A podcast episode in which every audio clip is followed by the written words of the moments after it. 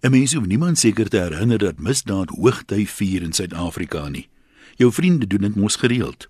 Selfs by die skole is daar geweld onder die leerders wat mekaar met klippe gooi of 'n mes uitpluk om 'n geskil te besleg. Tog kan ek nie onthou dat daar 'n skietery by skole was waarin talle kinders dood en beseer is nie.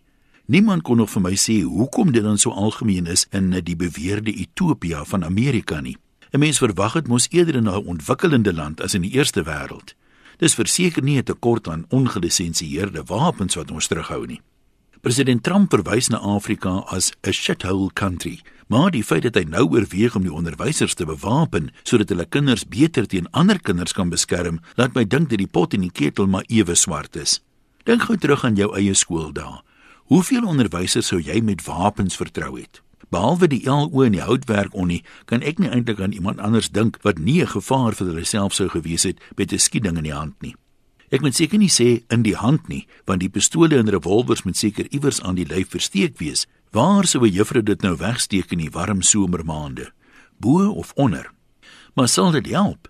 In al die skietvoorvalle in Amerika het die skieters gewag tot 'n klomp kinders bymekaar is in 'n bondel en dan losgebrand. Vir my klink dit na 'n resep vir 'n ramp as onderwysers blindelings begin terugskiet.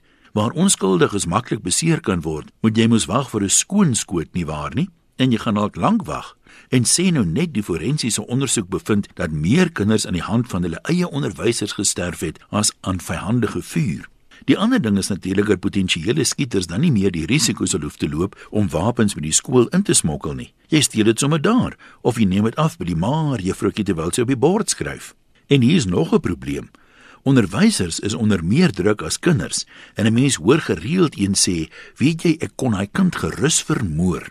Kinders kan mos maar baie uittartend wees. Nou is die kans nie dalk beter 'n gewapende onderwyser se kop hak uit en hy of sy maak sy magasyn leeg op die boelie in die klas nie. Wat dan? Waar gaan dit eindig? Almal het mos deesdae regte. Voor jy kan sê masjiengeweer, sal die jeugdige oorlogsveterane waarskynlik met protesoptrede begin omdat dit ongrondwetlik is dat onderwysers wapenskool toe mag bring, maar kinders nie.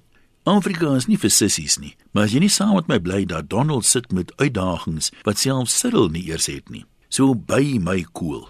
Dit kan tog vraggies altyd erger gaan sodat ons maar dankbaar wees vir wat ons het of nie het nie. Groete van oor tot oor. Antoniem